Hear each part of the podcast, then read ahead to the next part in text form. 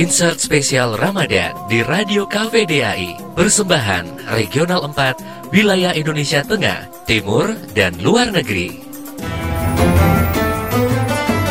Pasar Wadai Di Banjarmasin pada saat bulan Ramadan seperti ini, biasanya ada festival jajanan pasar yang hanya muncul saat bulan Ramadan yang biasa disebut Pasar Wadai.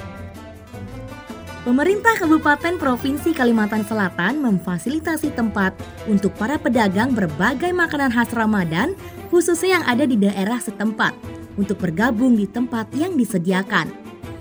Kalau sahabat ingin mengetahui tempatnya, tak sulit.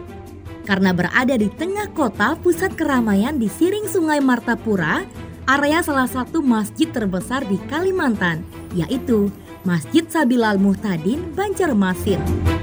Di sana kalian akan disuguhi berbagai makanan hingga kue basah dan aneka minuman segar khas kudapan untuk berbuka puasa. Namun karena masa pandemi ini, tradisi ini pun tidak bisa dilaksanakan secara offline. Tapi kabarnya masih bisa dilaksanakan secara online. Tentunya menggunakan jasa pengiriman dan kerjasama outlet-outlet penjualannya. Semoga pandemi ini segera berlalu dan tradisi pasar wadai berjalan seperti sedia kala.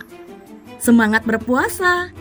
Kalau di daerahmu, ada tradisi apa saat Ramadan?